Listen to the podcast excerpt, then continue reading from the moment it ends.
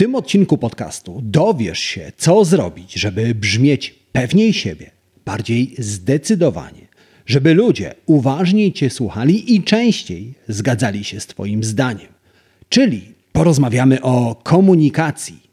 A naszą rozmowę rozpoczniemy od historii, w której komunikacja całkowicie zawiodła. To jest podcast Marketing z głową.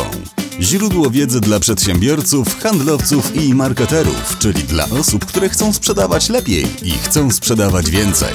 Zaprasza Łukasz Chodorowicz. Witam Cię w podcaście Marketing z głową, w podcaście, w którym zajmujemy się klientologią, czyli uczymy się, jak zmieniać przypadkowych konsumentów w płacących klientów.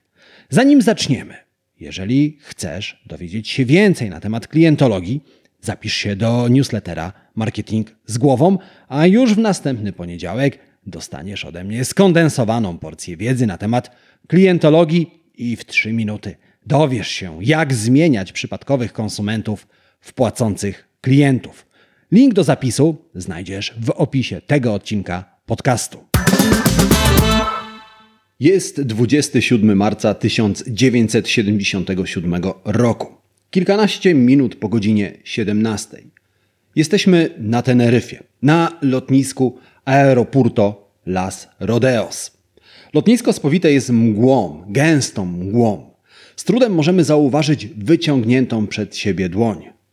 Jednak w oddali coś widać. Z białej mgły wyłania się gęsty i czarny jak smoła dym. Dokładnie taki kolor ma dym płonącego paliwa samolotowego. Czy coś się wydarzyło?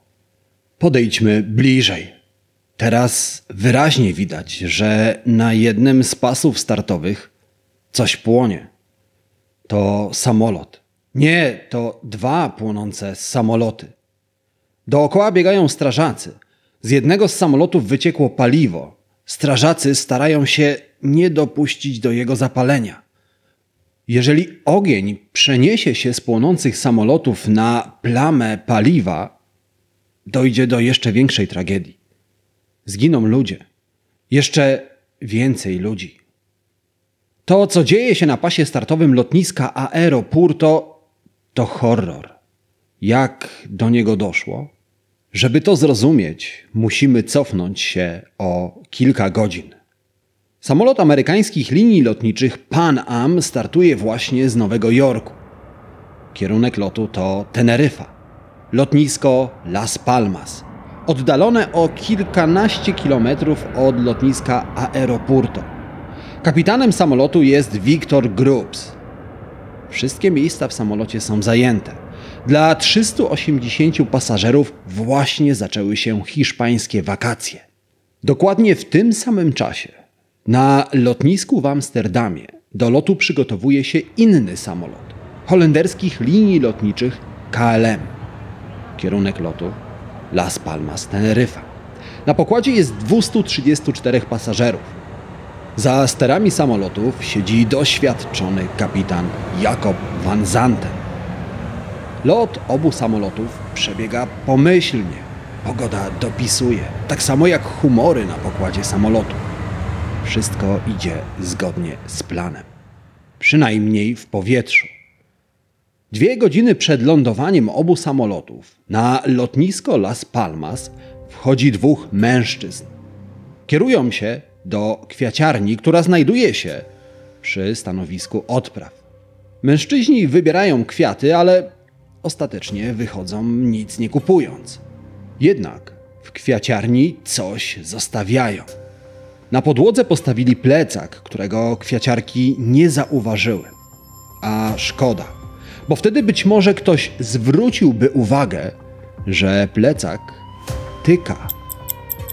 W tym samym momencie recepcjonistka na lotnisku odbiera telefon. Głos po drugiej stronie słuchawki mówi, że na lotnisku znajdują się bomby. Obsługa lotniska ma dokładnie 15 minut na ewakuację pasażerów. I dokładnie po 15 minutach bomba wybucha. Na szczęście nikt nie zginął. to jednak nie oznacza, że niebezpieczeństwo na lotnisku minęło. Recepcjonistka, która odebrała telefon, doskonale pamięta, że głos w słuchawce mówił o bombach. Być może dwóch, a może trzech. W tej sytuacji policja i saperzy decydują się na całkowite zamknięcie lotniska Las Palmas. Również dla samolotów. Również dla amerykańskiej i holenderskiej maszyny, które mają lądować na lotnisku Las Palmas. Kapitanowie obu samolotów odbierają informacje o zamachach i otrzymują instrukcje, aby kierować się na inne lotnisko na wyspie. Na lotnisko Los Rodeos, które znajduje się po drugiej stronie wyspy. Tam oba samoloty mają przeczekać bombowy kryzys i jeśli uda się rozbroić bomby, z powrotem polecieć na lotnisko Las Palmas.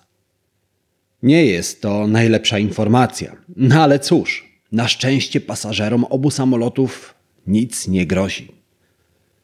W tym samym momencie nad lotniskiem Los Rodeos już unosi się gęsta mgła. Widoczność jest praktycznie zerowa. Jednak pracownicy wieży kontroli lotów sprawnie kierują oba samoloty na lotnisko. I to pomimo słabego angielskiego, którym posługują się hiszpańscy pracownicy lotniska. Najpierw ląduje samolot linii holenderskich. Kilka minut później, równie gładko, ziemi dotyka samolot amerykański. Pasażerowie obu samolotów wychodzą na chwilę, aby rozprostować nogi. Postój jednak wydłuża się. Do tego stopnia, że pasażerka holenderskiego samolotu, Robina van Lashot, decyduje się na własną rękę dotrzeć do hotelu. Ta decyzja sprawi, że van Lashot stanie się nietypową statystyką. Po kilku godzinach okazuje się, że lotnisko Las Palmas jest bezpieczne i samoloty mogą kontynuować lot. Pasażerowie wracają na pokłady, a piloci szykują się do startu. Dziś oczywiście taka sytuacja nie miałaby miejsca. Nikt nie ryzykowałby ponownego lotu na lotnisko, na którym przed chwilą doszło do zamachu. Pasażerowie po prostu wsiedliby na lotnisku do autobusów i pojechali do swoich hoteli. Jednak jest rok 1977 długo przed atakami na World Trade Center. Wobec czego oba samoloty przygotowują się do startu. Pierwszy ma wystartować samolot holenderski, a samolot amerykańskich linii tuż po nim. Kapitan Jakob van Zanten ustawia samolot na początku pasa startowego. Mgła jest coraz gęstsza. Nie widać praktycznie nic. Drugi pilot informuje wieżę, że holenderski samolot jest na pozycji startowej. Wieża odpowiada: OK, przygotujcie się do startu. W tym momencie kapitan Van Zanten rozpoczyna sekwencję startową i rusza z miejsca. Nie wie jeszcze, że hiszpańscy kontrolerzy właśnie rozmawiają z pilotem amerykańskiego samolotu, kapitanem Grubsem. Nie wie również, że amerykański samolot nadal znajduje się na pasie startowym, tuż przed nimi. W momencie, w którym holenderski samolot nabiera prędkości, w radiu słychać transmisję między wieżą a amerykańskim samolotem. Głos w radiu wyraźnie mówi: Damy znać, gdy opuścimy pas. Rozmowie przysłuchuje się holenderski inżynier, który ze zdziwieniem pyta: To samolot Pan M jeszcze nie zjechał z pasa?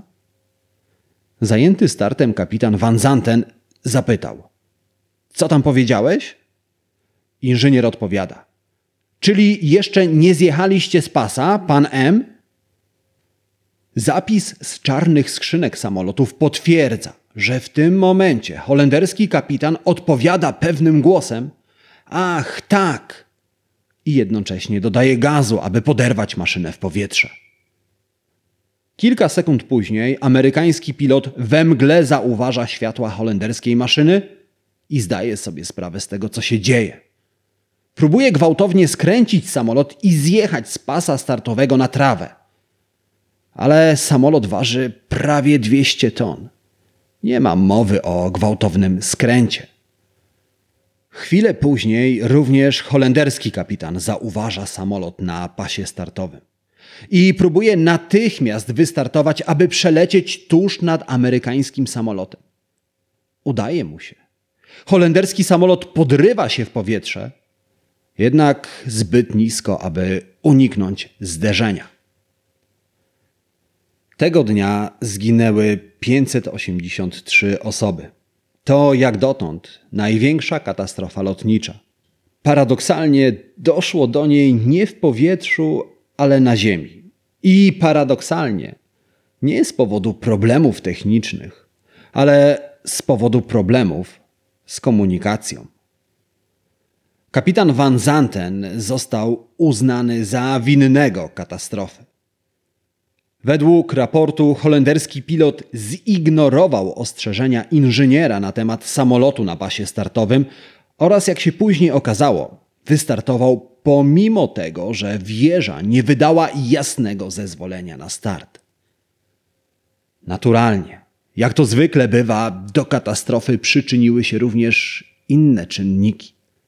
Między innymi mgła, brak naziemnego radaru czy niesprawne oświetlenie pasa startowego. Ale zarówno hiszpańscy, jak i holenderscy eksperci jednoznacznie podkreślają, że główną przyczyną katastrofy i śmierci 583 osób były problemy z komunikacją. Gdyby Van Zanten wysłuchał ostrzeżeń inżyniera na temat samolotu na pasie startowym, gdyby wyraźnie zwrócił uwagę, że wieża nie wydała zezwolenia na start, oba samoloty bezpiecznie dotarłyby na lotnisko Los Rodeos, a pasażerowie do swoich hoteli. Dlatego w dzisiejszym odcinku podcastu przyjrzymy się komunikacji bo również w Twoim życiu i w Twoim biznesie ważną rolę odgrywa komunikacja. Od tego, jak dobrze się komunikujesz, jak jasno i zrozumiale wyrażasz swoje myśli, zależy to, czy inni będą Cię słuchali. A jeżeli będą Cię słuchali, to częściej będą zgadzali się na Twoje propozycje, częściej będą od Ciebie kupowali. A więc umiejętność skutecznej komunikacji jest umiejętnością na wagę złota. Dlatego porozmawiajmy o tym, co ty możesz zrobić, aby komunikację poprawić. Co możesz zrobić, aby ludzie bardziej cię słuchali, aby częściej się z tobą zgadzali i abyś w trakcie rozmów brzmiał pewniej. Oczywiście, to, o czym za moment porozmawiamy, wykorzystasz w czasie rozmów ale równie dobrze sprawdzi się to w czasie pisania, w czasie pisania maili albo ofert sprzedażowych. A pierwszą rzeczą, którą warto zrobić, żeby ludzie bardziej Cię słuchali, to nadać swojej wypowiedzi strukturę. Zrozumiałą i jasną strukturę. Taką strukturą jest tak zwana odwrócona piramida. Odwrócona piramida polega na prowadzeniu rozmowy od ogółu do szczegółu. Odwrócona piramida w komunikacji składa się z warstw wypowiedzi. Pierwsza warstwa to najszersza warstwa ogólna, a każda kolejna niższa warstwa zawęża i uszczególnia temat, o którym opowiadasz. Na przykład, jeżeli chcę komuś w jasny i zrozumiały sposób streścić zawiłą fabułę filmu Incepcja, to zamiast od razu przeskakiwać do szczegółów, zacznę od ogółu. Powiem, że film Incepcja to film, w którym bohaterowie zaszczepiają w głowach innych ludzi pomysły. To bardzo ogólne streszczenie filmu. Następnie zejdę do kolejnej, niższej warstwy piramidy i uszczegółowię streszczenie. Powiem, że w celu zaszczepienia pomysłów bohaterowie wkradają się do głów innych ludzi. Następnie dodam, że robią to, gdy ich ofiary śpią. Dopiero potem, na niższej warstwie odwróconej piramidy, powiem, że we śnie czas płynie wolniej i że 5 minut w realnym świecie odpowiada godzinie we śnie. Dlatego bohaterowie mogli spędzić w świecie snów całe lata.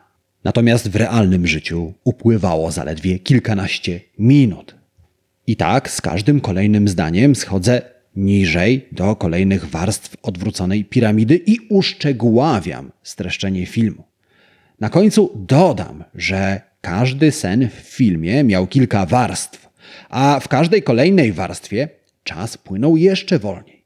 Dlatego istniało ryzyko, że w którymś momencie bohaterowie zgubią się i przestaną odróżniać prawdziwy świat od świata snów. I teraz ktoś, kto nigdy nie widział filmu Incepcja, lepiej zrozumie fabułę, jeżeli najpierw pozna ogólne informacje, a dopiero później pozna szczegóły. Odwrócona piramida sprawdza się absolutnie w każdej wypowiedzi i w każdym tekście, również w opisie produktu. Na przykład, jeżeli sprzedaję jesienną kurtkę, to w pierwszym zdaniu napiszę, że na sprzedaż jest właśnie jesienna kurtka w rozmiarze L. Następnie zejdę niżej do kolejnych warstw piramidy i napiszę, że kurtka, którą sprzedaję, jest skórzana w kolorze czarnym. Później dodam, że jest zapinana na guziki. W kolejnych zdaniach jeszcze bardziej uszczegółowię opis i napiszę, jakiej długości ma rękawy. Później dodam, ile ma guzików, ile ma kieszeni i czy kaptur w kurtce jest odpinany. Pierwsze ogólne zdanie zawsze nadaje temat dalszej wypowiedzi. Dzięki niemu mój rozmówca albo czytelnik nie musi się zastanawiać, o czym właściwie rozmawiamy. Odwrócona piramida w przypadku opisów produktów jest dla nas czymś naturalnym. Rzadko kiedy zaczynamy opis produktu od podawania koloru czy parametrów. Jednak gdy rozmawiamy albo piszemy na jakikolwiek inny temat, mamy tendencję do przeskakiwania od razu do szczegółów. Szczególnie gdy opowiadamy na temat, który dobrze znamy i rozumiemy. Problem zaczyna się, gdy nasz rozmówca w temacie nie jest. Na przykład, gdy ktoś próbuje wytłumaczyć ci, jak działa komputer, i od razu mówi coś o bitach, bajtach, o bramkach logicznych itd. Tak Jeżeli nie masz pojęcia, o czym ta osoba mówi, natychmiast przestajesz jej słuchać. Dlatego lepiej, gdyby zaczął od ogółu i wytłumaczył ci, że komputer w gruncie rzeczy rozumie tylko dwie informacje: prąd płynie i brak prądu. Na podstawie tych informacji komputer układa sekwencję składającą się z jedynek prąd płynie i zer brak prądu. Następnie komputer zamienia sekwencję zer i jedynek na to, co widzisz na ekranie.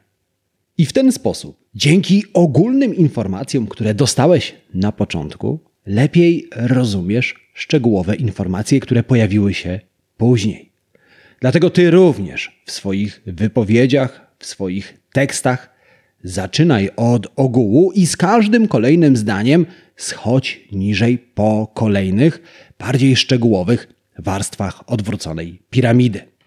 No ale struktura wypowiedzi to nie wszystko, co należy zrobić, aby ludzie bardziej cię słuchali. Ludzie słuchają, gdy sami czują się wysłuchani. Ale to wcale nie oznacza, że w czasie rozmowy wystarczy kiwać głową i przytakiwać. Musisz naprawdę dać rozmówcy poczucie, że go słuchasz i rozumiesz, co do ciebie mówi. A jeżeli czegoś nie rozumiesz, to pokaż, że chcesz zrozumieć. I w tym pomoże ci tak zwane pytanie pogłębiające. Pytanie pogłębiające to pytanie, które zadajesz, aby zgłębić temat. Na przykład, jeżeli ktoś mówi ci, że ostatnio był na ciekawej konferencji biznesowej, to zamiast od razu odpowiadać: Super, gratuluję, zadaj pytanie pogłębiające. Zapytaj, kto występował albo gdzie odbywała się konferencja. W ten sposób pokażesz, że interesujesz się tym, co druga osoba ma do powiedzenia, i gdy ty zaczniesz mówić, twój rozmówca odwdzięczy ci się tym samym. Poza tym ludzie uwielbiają opowiadać o sobie i darzą większą sympatią osoby, które im na to pozwalają. Dlatego jeżeli chcesz, aby ktoś cię wysłuchał i żeby dodatkowo bardziej cię polubił, zadawaj pytania pogłębiające. Ale oprócz tego, że lubimy opowiadać o sobie, lubimy słuchać ludzi pewnych siebie. Pewność siebie wypowiedzi to nie tylko postawa, to nie tylko mowa ciała, to również słowa i sposób, w jaki mówisz albo piszesz.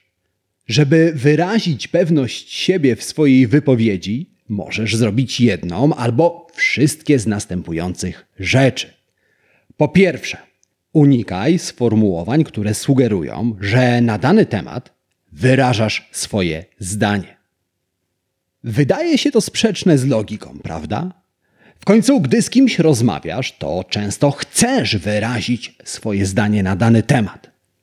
Ale okazuje się, że wtedy Twojej wypowiedzi brakuje pewności. Już tłumaczę, co mam na myśli. Wyobraź sobie, że kupujesz używany samochód. Naturalnie. Najbardziej interesuje Cię to, czy samochód jest sprawny i czy nie ma żadnych ukrytych usterek. Twoje zaniepokojenie stara się rozwiać sprzedawca i mówi Ci, że jego zdaniem samochód jest w dobrym stanie i nie trzeba w niego inwestować. Choć to zdanie jest jak najbardziej logiczne i poprawne, nie potrafisz oprzeć się wrażeniu, że sprzedawca nie jest do końca pewien tego, co mówi, a może nawet chce coś ukryć. Dlaczego? Ponieważ zwrot moim zdaniem sugeruje, że informacja o stanie samochodu jest zaledwie opinią sprzedawcy, a nie stanem faktycznym ale sprzedawca zabrzmi pewniej, gdyby zamiast moim zdaniem po prostu powiedział, że samochód jest w dobrym stanie. I wtedy bardziej uwierzysz w to, że z samochodem jest wszystko w porządku. Ale dobra, pewna wypowiedź to nie tylko unikanie słów wyrażających niepewność. To również dodawanie do wypowiedzi słów wyrażających pewność. Na przykład, kiedy ktoś mówi ci, że po południu może padać, zastanawiasz się, czy wziąć parasol. Ale gdy ktoś powie ci, że po południu absolutnie spadnie deszcz, to parasol bierzesz bez zastanowienia. Słowa absolutnie, na pewno, definitywnie sugerują pewność siebie, a badania potwierdzają, że osobom, które takich albo podobnych słów używają, bardziej ufamy i chętniej ich słuchamy. I po trzecie, zamień czas przeszły na teraźniejszy. Badania potwierdzają, że brzmimy pewniej, bardziej zdecydowanie, gdy zamiast w czasie przeszłym mówimy w czasie teraźniejszym. Na przykład Pacjenci, którzy dowiedzieli się, że lekarstwo zadziałało w 90% przypadków, oceniali je jako mniej skuteczne. Z kolei pacjenci, którzy dowiedzieli się, że lekarstwo działa w 90%, uznali, że leki jest skuteczniejszy. Gdy mówisz w czasie przeszłym, sugerujesz, że coś się wydarzyło i niekoniecznie nadal trwa. Na przykład, gdy mówisz, że ta książka wiele cię nauczyła, sugerujesz, że gdy czytałeś książkę, czegoś się dowiedziałeś, ale to wcale nie znaczy, że nadal to pamiętasz. Ale gdy mówisz w czasie teraźniejszym, sygnalizujesz coś trwałego, coś, co w tym momencie nadal jest prawdą. Dlatego Kiedy mówisz, że dzięki tej książce sporo wiesz, brzmisz pewniej i bardziej zdecydowanie. I z tego samego powodu, zamiast pisać, nasz produkt odmienił życie 30 klientów, napisz, że dzięki Twojemu produktowi 30 klientom żyje się lepiej. Dzięki temu zabrzmisz pewniej, a Twój produkt wyda się klientowi skuteczniejszy. Ale czy to wszystko oznacza, że absolutnie w każdej sytuacji powinniśmy brzmieć pewnie i zdecydowanie? Cóż, nie do końca. Okazuje się, że są bardzo konkretne sytuacje, w których ludzie będą cię bardziej słuchać, bardziej uwierzą w to, co masz do powiedzenia, jeżeli wyrazisz zwątpienie. Gdy rozmawiasz na tematy sporne, na które twój rozmówca albo czytelnik ma inne zdanie, zamiast pewności siebie okaż niepewność.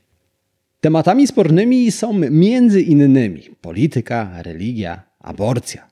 I gdy o tym rozmawiamy, intuicja podpowiada nam, że powinniśmy absolutnie zdecydowanie i z całą pewnością siebie bronić swoich przekonań i swojego zdania.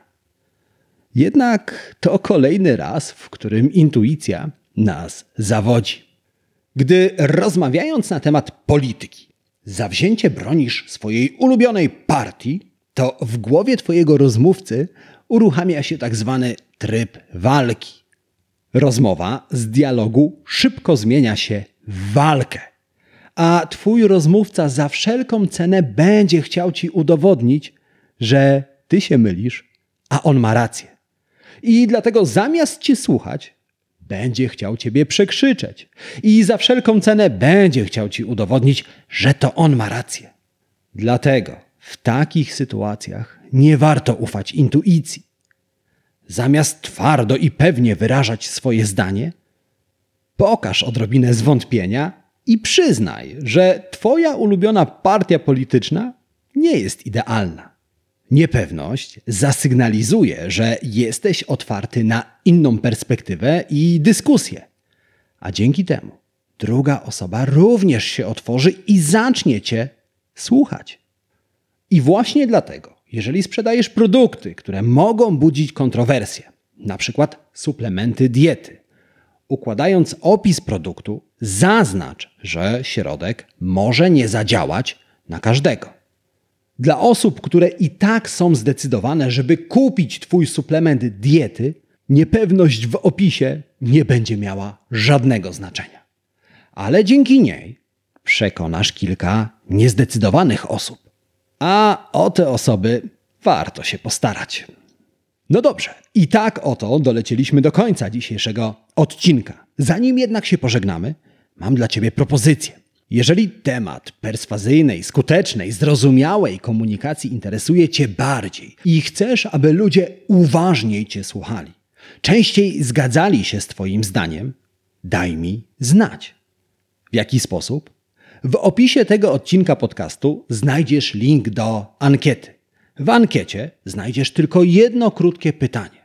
Odpowiedz na nie, a ja przygotuję materiały, które pomogą Ci lepiej i skuteczniej komunikować się. Najlepiej zrób to teraz, żeby nie zapomnieć, tym bardziej, że to zajmie Ci maksymalnie dwie minuty. A zaraz potem wróć, bo przygotowałem dla Ciebie trzy najważniejsze rzeczy, które warto dzisiaj wynotować. Oczywiście zdradzę Ci je tuż po dwóch szybkich prośbach. Ta pierwsza jest taka. Jeżeli znasz kogoś, kto ma problem z komunikacją i chciałby nauczyć się lepiej rozmawiać, lepiej pisać, udostępnij mu lub jej ten odcinek podcastu. Możesz to zrobić na Facebooku, na Messengerze, w WhatsAppie, jakikolwiek sposób będzie tutaj świetny. A jeżeli tak się składa, że ty właśnie słuchasz mnie w Apple Podcast albo w Spotify, wystaw recenzję pod podcastem Marketing z głową. Obie te rzeczy zajmą ci dosłownie chwilę, a dzięki nim wiedza z tego podcastu dotrze do osób, które jej potrzebują. A jeżeli z tego odcinka podcastu masz zapamiętać tylko trzy rzeczy, to niech będą to. Po pierwsze, odwrócona piramida. pamiętaj, żeby wypowiedź zaczynać od ogółu i stopniowo przechodzić do szczegółów. Nigdy odwrotnie. Po drugie, pamiętaj, żeby najczęściej, jak to tylko możliwe, zamieniać czas przeszły na teraźniejszy. Dzięki temu będziesz brzmieć pewniej siebie. I po trzecie, pamiętaj, że pewność siebie aktywujesz również niepewnością. Niepewność wyrażaj w przypadku tematów, które budzą kontrowersje. Jeżeli to zapamiętasz i wykorzystasz w czasie rozmów, układania tekstów, ludzie będą uważniej Cię słuchać i będą częściej zgadzać się z Twoim zdaniem. I tego gorąco Ci życzę. Życzę Ci również udanego dnia, udanego tygodnia, wszystkiego dobrego i do usłyszenia w kolejnym odcinku podcastu Marketing z głową. Marketingowego podcastu numer jeden w Polsce. Cześć!